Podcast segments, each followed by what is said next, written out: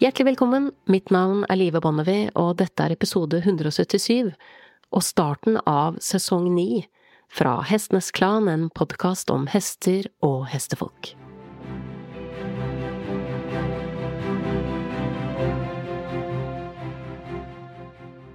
Et nytt år ligger foran oss, og det er betimelig å spørre seg selv hva det skal brukes til. For nye år som kommer og går, uten å brukes til noe fornuftig, det er selve livet som renner bort mellom fingrene dine.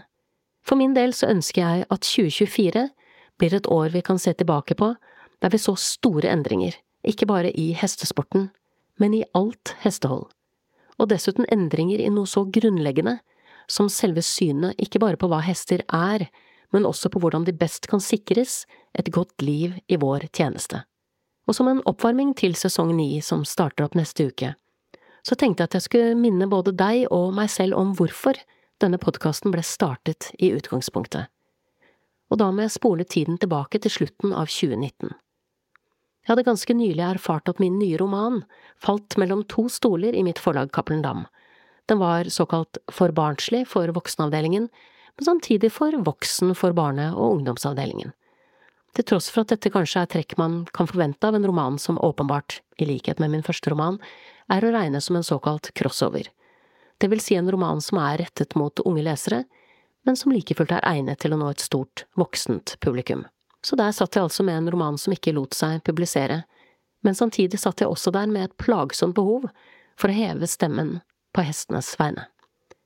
Et behov som ikke var villig til å slå seg til ro med mer taushet, for er det noe hestemiljøet har nok av, så er det nettopp taushet. Og er det noe jeg har behov for etter at hester har beriket livet mitt i mer enn 40 år, så er det ikke bare å bryte tausheten, men å heve røsten for å gi dem noe tilbake.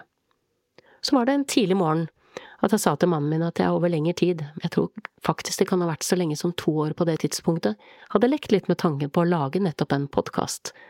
En podkast om hester som hadde hestevelferd som sitt DNA.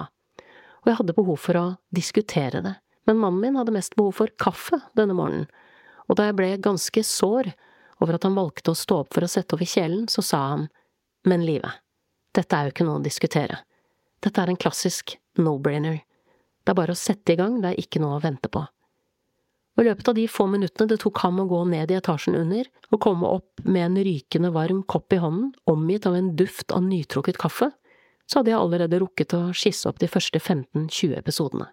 Resten er et lite stykke norsk podkasthistorie, som i april i år feirer sitt fireårsjubileum. Saken er den at 2024, det er året. Året jeg håper fruktene av arbeidet jeg har lagt ned, vil gi målbare resultater. Ikke bare på mikronivå, der jeg gledes over framgang fra lyttere stadig vekk, men på makronivå, der vi i første omgang snakker om endringer i konkurranseregler, og på sikt også endringer i lovverk og forskrifter. 2024 er året Ny dyrevelferdsmelding er på trappene. Norges Rytterforbund har nedsatt et nytt hestevelferdsråd, og sist, men ikke minst, OL arrangeres i Paris. Og disiplinene der hester deltar, er lagt til slottet i Versailles.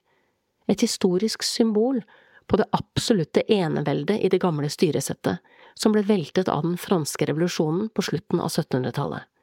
Hva kunne vært mer beleilig? For er det noe vi trenger i hestesporten i dag, så er det nettopp en revolusjon. En revolusjon med radikale politiske og ikke minst økonomiske omveltninger. Omveltninger der ikke først og fremst gamle, men snarere moderne tradisjoner erstattes av noe bedre. Ni måneder etter at flere, la oss kalle det uheldige hendelser, preget hestesporten under de olympiske lekene i Tokyo, som jeg ganske behørig dekket i episode 62 og 64, så presenterte en studiegruppe fra den franske nasjonalforsamlingen, som er underhuset i det franske parlamentet, en liste over 46 anbefalinger for å gjøre OL i Paris til olympiske leker i dyrevelferd for hestesporten. Det ble rett og slett utarbeidet en rapport der de ba organisasjonskomiteen for de olympiske lekene om en fullstendig revisjon av reglene for all hestesport som inngår i OL. Og det interessante er at de valgte å ignorere FI fullstendig i prosessen. Rapporten som ble skrevet dekker altså alle aspekter av sporten og hver disiplin, inkludert moderne femkamp, som heldigvis ryker ut av OL fra og med 2028. Anbefalingene går blant annet ut på å styrke eller endre eksisterende regler, ta i bruk ny teknologi og standardisere kontroller. Mye av det som foreslås, er helt elementære grep, hvis man ser på det fra et velferdsperspektiv. Helt elementære grep som bare rett og slett ikke blir tatt. Grep som å redusere bruken av pisk, samt sikre bedre kontroll av nesereimer for å unngå at de blir for stramme, for å nevne noe. Du finner link til en engelsk versjon av rapporten på bloggen min, livebonnevie.no. Så der har du meg, en enkel ponnirytter fra skauen, som møysommelig har bygget opp Norges største podkast om hest, har kontakter i hestemiljøer over store deler av verden, og som tenker at nok er nok. Men jeg er nok vel så spent på hva du tenker. For var det noe jeg lærte av å bidra til å få dokumentaren Operasjon X, hestemilliardærens hemmeligheter, tilgjengelig for norske seere på VGTV, så var det at jeg ikke er alene om å la meg engasjere av hva slags velferd vi tilbyr hestene i sporten. Jeg vil avslutte med å oppfordre deg til å signere på oppropet hashtag Let Horses Speak hvis du ikke alt har gjort det, og jeg vil også oppfordre deg til å bli med i bevegelsen Alliance for Horse Welfare in Sport, hvor målet er å sette etikken og hestens velferd først på ordentlig denne gangen.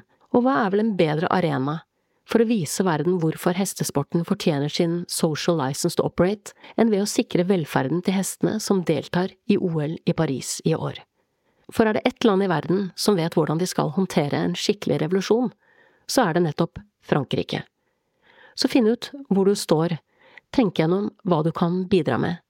Så skal et av denne podkastens bidrag for dette året være å hjelpe til med å samle troppene. Med dette erklærer jeg sesong ni for åpnet. Det er bare å glede seg. Du har nettopp hørt episode 177 fra Hestenes Klan, en podkast om hester og hestefolk. Jeg vil takke min faste komponist Fredrik Blom, designeren av podkastens visuelle profil Ove Hals. Jeg vil takke min lyddesigner Stig Holte. Og sist, men ikke minst, vil jeg som alltid takke deg, kjære lytter, for tålmodigheten. Måtte hesten for alltid være med deg.